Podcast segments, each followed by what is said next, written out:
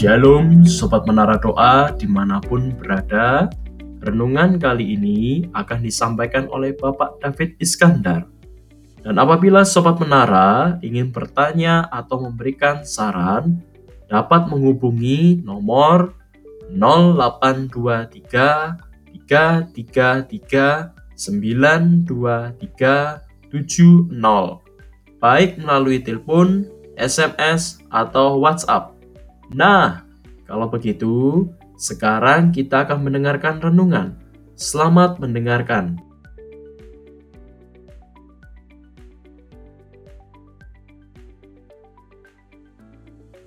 Shalom, Sobat Menara Doa yang dikasih oleh Bapak. Sekarang yang kelima ini, firman Tuhan dengan judul yang mempunyai hati Bapak. Sebelum kita masuk dalam renungan ini, mari kita berdoa bersama-sama. Bapa yang kami sembah dalam nama Tuhan Yesus Kristus. Sebelum kami menyampaikan kehendak-Mu ini ya Bapa. Kiranya Bapa urapi hambamu yang membawa firman Tuhan pada saat ini. Demikian juga bagi mereka yang mendengar firman-Mu Tuhan. Baik mereka yang di rumah atau mungkin mereka yang dalam perjalanan. Bapak urapi juga mereka. Urapi sebagai seorang telinga seorang murid untuk mendengarkan suaramu ya Bapak. Maka kami berdoa di dalam nama Tuhan Yesus. Kami alaskan doa ini. Haleluya. Amin.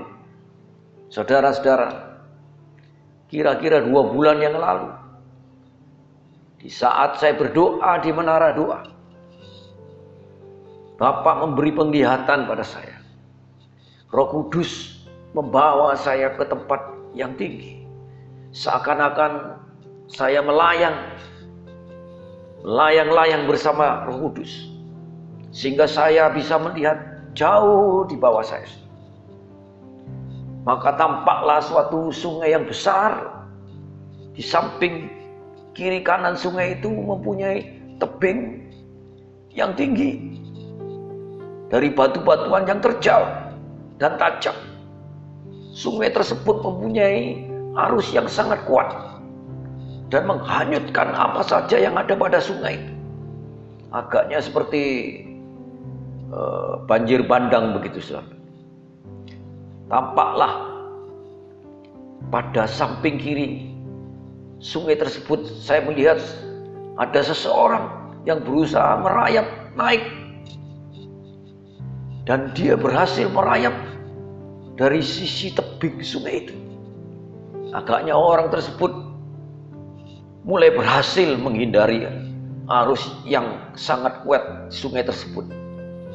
Tetapi saya lihat dia tidak mempunyai tenaga lagi untuk mencapai daratan. Tapi dia berusaha tangannya melambai-lambaikan pada saya untuk meminta pertolongan pada saya. Kemudian setelah saya mengamat-amati di sisi kanan tebing sungai itu, rupanya banyak orang yang juga berusaha meraih naik. Ada yang masih di bawah, ada yang sudah di tengah tebing, ada pula yang hampir mencapai atas tebing. Dan anehnya, Rupa mereka sama seperti yang melambai-lambaikan tangan di sisi tebing sebelah kiri saya itu yang sudah hampir sampai di daratan. Kemudian penglihatan itu lenyap begitu saja. Berhari-hari saya bergumul dalam doa untuk bisa mengerti tentang penglihatan tersebut. Kemudian setelah beberapa hari saya mendapat peneguhan firman Tuhan tentang penglihatan tersebut. Kita baca kitab Lukas 10 Saudara-saudara ayat 29 sampai 37. Tidak saya berusaha baca satu-satu Cuma saya terangkan supaya mempersingkat waktu. Lukas 10 ayat 29 sampai 37 ini berjudul orang Samaria yang murah hati. Tuhan Yesus memberi perumpamaan ini kepada orang Farisi. Dengan arti kata Tuhan Yesus saat ini memberikan perumpamaan pada kita untuk menjawab tentang penglihatan tersebut. Dikatakan di sana ada seorang pedagang Yahudi yang turun melewati jalan yang pada waktu itu disebut jalan darah atau jalan merah. Jalan tersebut menghubungkan antara Yerusalem ke Yeriko. Kalau kita melihat di peta, saudara, Yerusalem mempunyai ketinggian sekitar 700 meter di atas permukaan laut. Sedangkan Jericho 300 meter di atas permukaan laut. Jalan tersebut turun, terjal, sempit. Itu sekitar 1,2 kilo dan banyak tikungan di situ. Kalau di tempat saya, saudara mungkin jalan ke Gunung Bromo gitu. Ada desa namanya Sukapura itu sekitar 700 meter. Jadi pada waktu itu waktu-waktu perumpamaan yang Tuhan Yesus sampaikan ini saudara jalan tersebut memang jalan yang singkat ke Yeriko dari Yerusalem menuju ke Yeriko. Tapi di jalan di situ memang terkenal banyak perampok, banyak begal dan tidak sedikit orang yang mengalami kejadian yang tidak dipikirkan. Jadi orang cukup hati-hati berjalan di situ. Dan saudara ada seorang pedagang tadi Yahudi, dia mungkin sudah biasa melewati situ membawa barangnya untuk berdagang ke Yeriko.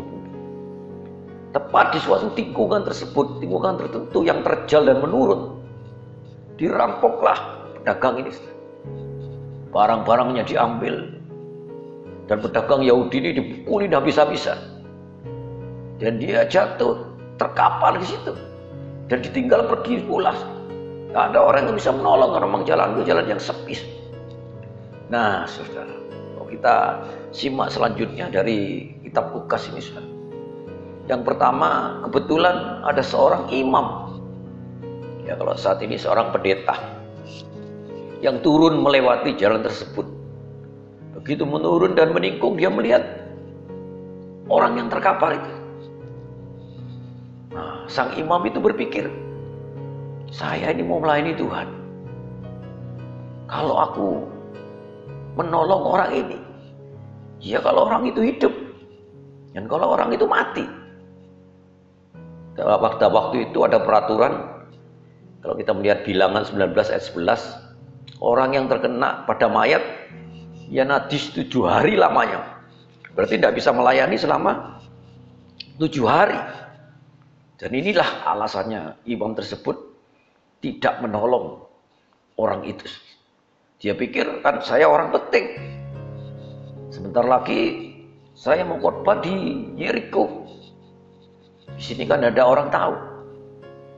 Dia melihat samping kiri kanannya tidak ada orang lewat situ. Oh biarlah, nanti kan ada orang lain yang untuk mengkubur mayat ini. Padahal dia dengan yang terkapar tersebut sama-sama orang Yahudinya. Saudara-saudara, kita menarik kesimpulan dari yang pertama ini. Seorang imam yang turun melewati jalan tersebut. Di tengah-tengah pandemi virus corona ini banyak. Imam-imam, kepala pendala, pendeta-pendeta, tidak mau melayani jemaatnya. Diserahkan pada para pekerjanya. Dia nyari zona aman. Lebih baik pakai live streaming aja. Karena di tengah pandemi ini yang sangat menular, dia ketakutan. Dia lebih baik menyuruh pengerjanya. Padahal kalau kita melihat di lapangan, saudara, melalui live streaming ini tidak bisa menjangkau kehausan rohani para jemaatnya. Mereka asal-asalan saja menikmati live streaming karena tidak bisa beribadah. Apalagi yang usia tua-tua, di atas 60, sudah tidak bisa lagi mengikuti ibadah lagi.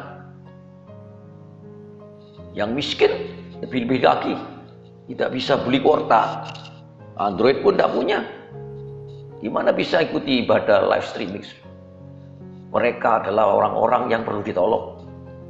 Orang-orang yang mempunyai kehausan rohani yang luar biasa di saat-saat itu. Bahkan saya banyak sekali mendengar kalau jemaatnya mau dilayani harus nilpun dulu. Kalau jemaat gereja-gereja yang kecil para gembalanya masih bisa mengatasi. Tapi yang jemaat-jemaat gereja besar, gereja-gereja di kota-kota, live streaming tidak bisa menjangkau. Saudara-saudara, di tengah arus pandemi virus corona yang luar biasa ini, saudara, kita melihat bahwa gereja Tuhan belum bisa siap untuk menghadapi hal yang demikian. Atau dengan kata lain, gereja belum belum bisa mempersiapkan jemaatnya untuk menjadi dewasa rohani. Mereka terlalu tergantung pada pendetanya, tergantung pada gembalanya, tergantung pada para imam. Contoh, sakit sedikit, cari pendeta toko sepi sedikit, cari pendeta. Mau menasihati anak-anak, cucu menantu, pendeta dipanggil. Tidak ada kedewasaan dia, padahal sudah berpuluh-puluh tahun kenal Tuhan. Ini contoh-contoh yang terjadi saat ini. Kita ibadah tidak bisa diadakan karena pandemi atau para gembalanya takut membuka gerejanya ini sudah terjadi. Mereka sangat ketergantungan sekali pada para imam, tergantungan sekali sama para gembala. Mari, di tengah arus yang kuat dan situasi akhir zaman ini, di saat mereka sebagai domba berteriak-teriak, minta makan dan minta minum secara rohani. Sesuai penglihatan tadi mereka berusaha naik. Mereka kehausan ketakutan. Bahkan banyak mungkin yang hanyut oleh arus sungai itu. Dan sekarang ini banyak para domba-domba para umat Tuhan yang hanyut oleh arus dunia yang sangat kuat di tengah pandemi virus ini Siapa yang bisa menolong mereka? Siapa yang bisa memuaskan dahaga rohani mereka? Karena para gembala-gembala banyak yang ketakutan pelayan, takut tertular. Dan ini yang pertama, saudara. Dan kemudian yang kedua, perumpamaan yang kedua ini seorang ada yang seorang Lewi juga. Kalau tadi tadi seorang imam ini seorang Lewi mungkin sekarang uh, pelayan Tuhan, full timer begitu, sekarang mungkin pemain musik atau singer lewat di jalan darat. Mungkin dia mau melayani di Jericho juga. Dia melewati jalan itu juga dan melihat orang yang terkapar tersebut. Dia mulai berpikir, wah mungkin ini cuma pancingan. Kalau orang ini cuma pura-pura mati. Padahal teman-temannya yang bersembunyi sudah bersiap untuk merampok saya. Wah ini terlalu berisiko. Ini jamnya sudah tidak nututi, saya harus tergesa-gesa berangkat ke Yeriko. Terlalu berisiko untuk menolong orang yang terkapar ini. Ya biarkan nanti kan ada orang lain yang menolong orang ini. Lagi pula di tempat ini ada yang tahu. Saudara-saudara, kalau kita melihat yang kedua ini, pelayan Tuhan ini, kita bisa narik kesimpulan di tengah pandemi COVID-19 terlalu berisiko untuk melayani jiwa-jiwa sehingga terjadi banyak alasan para pekerja-pekerja Tuhan para full timer Tuhan padahal dikatakan oleh firman Tuhan Ladang sudah menguning, siap untuk dituai. Dan waktunya sudah sangat-sangat singkat sekali. Banyak para pelayan Tuhan lebih baik jaga nama saja daripada nanti menolong orang yang memang memerlukan atau haus akan kerohanian dan kita nanti bisa tertular. Dia lebih baik jaga nama gereja aja daripada gerejanya ditutup. Mari kita sadar. Masa ini, masa live di gereja sudah selesai. Sudah. Tuhan sudah hentikan semua. Karena Tuhan menginginkan mengasihi, melayani dengan perbuatan. Bukan karena motivasi lain. Kalau kita melihat di 1 Korintus 13 ayat 1. Sekalipun aku dapat berkata-kata dengan semua bahasa manusia dan bahasa malaikat. Tapi jika aku tidak mempunyai kasih, aku sama dengan gong yang berkumandang dan canang yang gemericik. Tidak ada artinya kita melayani. Melayani Tuhan, melayani di mimbar,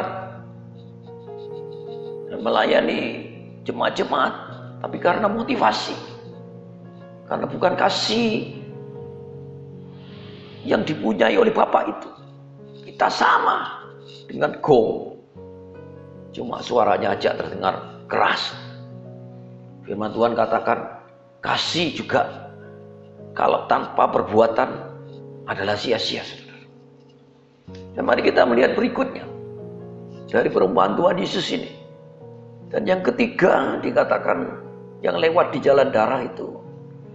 Kita baik kita baca Lukas 10 ayat 33. Lalu datang seorang Samaria yang sedang dalam perjalanan ke tempat itu. Dan ketika ia melihat orang itu, tergeraklah hatinya oleh belas kasihan. Pada orang Samaria ini, oh dia tidak punya hubungan erat dengan orang Yahudi.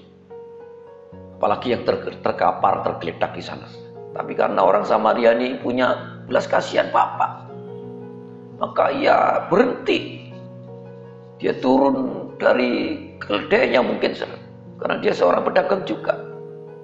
Lalu dia pergi kepadanya lalu membalut luka-lukanya itu ayat 34. Sudah itu ia menyiraminya dengan minyak dan anggur. Kemudian ia menaikkan orang itu ke atas keledai tunggangannya sendiri. Lalu membawa ke tempat penginapan dan merawatnya. Bahkan ayat 35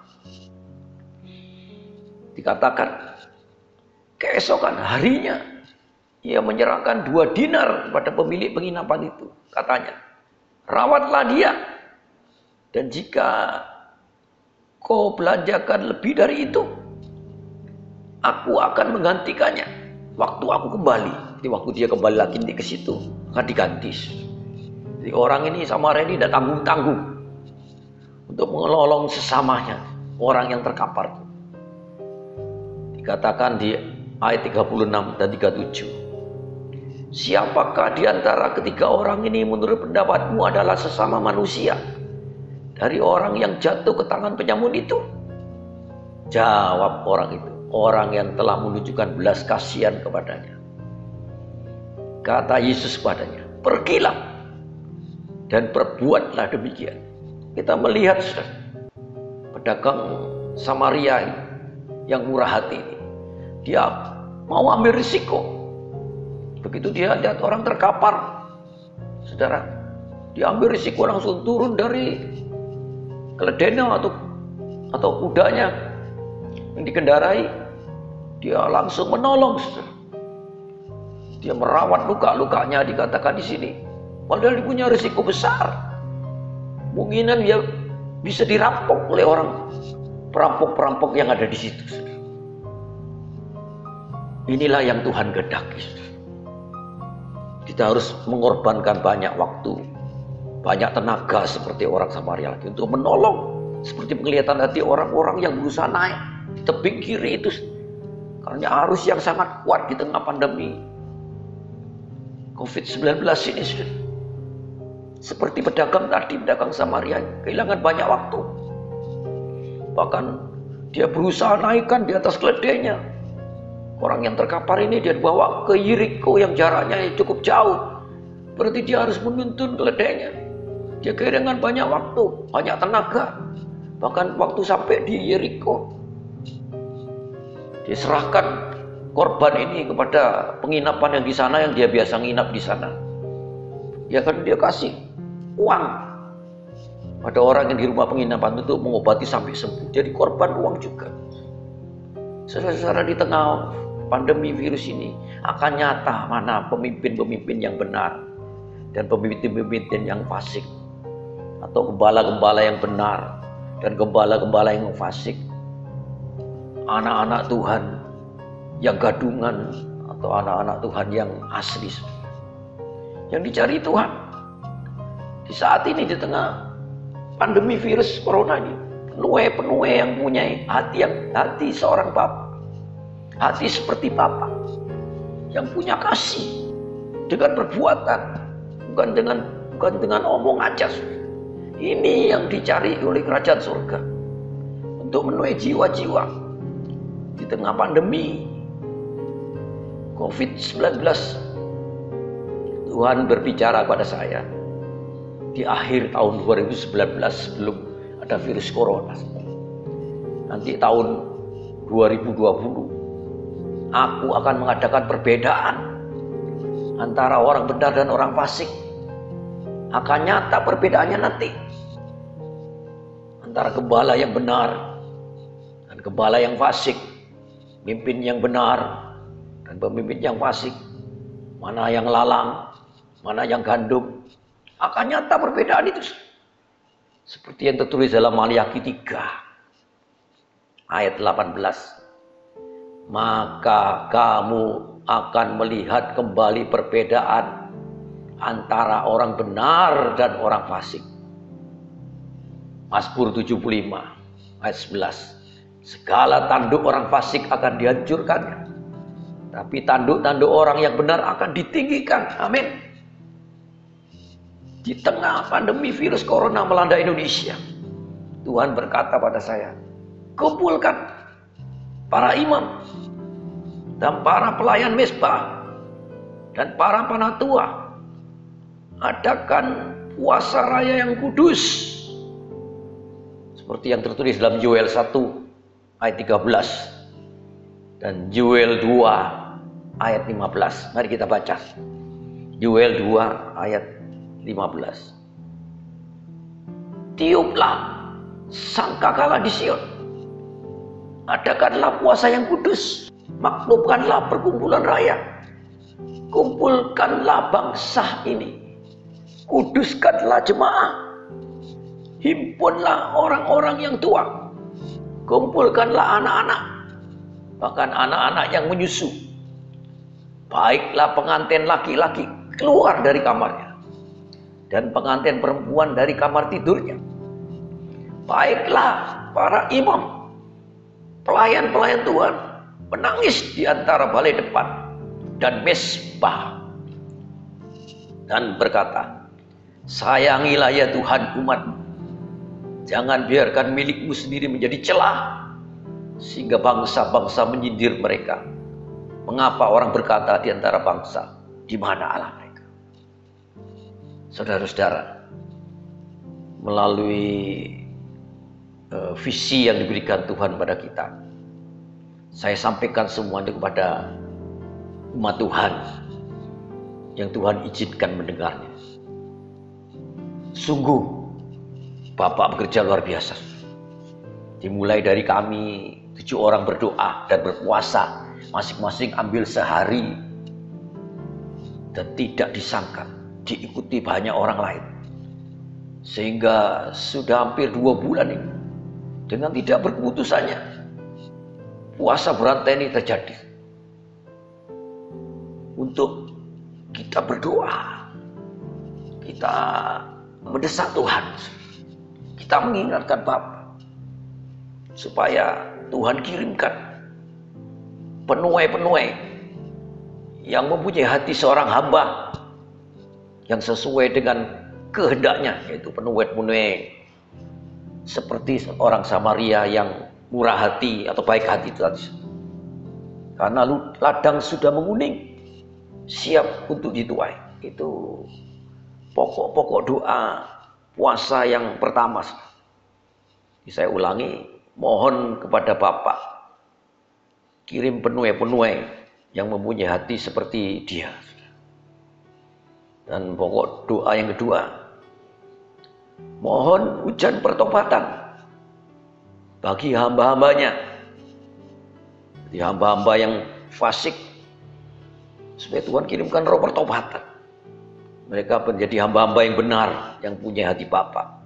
Dan juga mohon doa pertobatan bagi jiwa-jiwa mereka yang setengah-setengah bertobat di tengah arus pandemi virus corona yang sangat kuat ketakutan. Ini perlu didoakan supaya mereka bertobat karena waktunya sudah dekat. Dan pokok doa yang ketiga mohon pada Bapak orang-orang pilihannya orang-orang Samaria yang baik hati yang di tengah lapangan supaya diberi kekuatan kesehatan yang prima. Kita melihat banyak perawat-perawat dokter-dokter yang mereka bekerja menolong orang yang terjangkit virus ini supaya Tuhan beri kekuatan berikan imun yang kuat diberikan kesehatan dan juga para gembala-gembala yang baik hati, yang murah hati, yang beri pelayanan, pelayanan door to door di jemaat-jemaatnya mereka, di gunung-gunung, di desa-desa, atau di kota-kota. Mereka diberi kekuatan, kita berdoa untuk mereka. Kita berikan kesehatan, keberanian untuk melayani jiwa-jiwa yang haus, yang saat ini belum dewasa untuk menghadapi uh, akhir zaman ini. Dan juga yang berikutnya yang keempat, berdoa bagi tim yang menangani podcast. Biar melalui podcast ini, saudara-saudara, menjadi berkat bagi banyak bangsa. Menjadi makanan rohani yang sehat supaya mereka kuat sampai Tuhan berkata sudah selesai nanti. Jadi ini ada satu, dua, tiga, empat pokok-pokok doa. Dan pokok doa berikutnya sesuai dengan kebutuhan masing-masing boleh ditambah. Tapi empat ini yang perlu kita berdoa, berpuasa, berantai, saudara. Sampai kapan? Ada yang tanya demikian sama saya. Sampai kapan Pak? Saya tidak tahu. Sampai kapan? Kita sudah dua bulan ini berdoa bergiliran terus-menerus. Dan melalui renungan firman ini, tidak saya panjangkan, Marilah sobat menara doa yang dikasih oleh Bapak. Kita sama-sama berdoa. Mari Bapak, melalui renungan ini Bapak, melalui visi yang kau berikan pada kami Bapak. Biarlah banyak orang mendengarnya. Dan mereka melakukan perintahmu Tuhan. Bukan cuma mendengar saja, tapi mengambil bagian untuk berdoa dan berpuasa. Biarlah melalui firmanmu pada hari ini Bapak. Nama Tuhan dipermuliakan. Di dalam nama daripada Tuhan Yesus Kristus, kami berdoa dan mengucap syukur. Haleluya. Amin.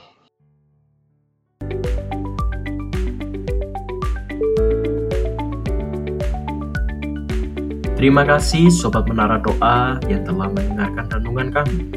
Apabila Sobat Menara ingin bertanya atau memberikan saran, dapat menghubungi nomor 082 tiga tiga tiga tiga sembilan dua tiga tujuh nol baik melalui telepon, SMS atau WhatsApp. Oke, sobat menara, sampai bertemu kembali di podcast selanjutnya. Tuhan Yesus memberkati.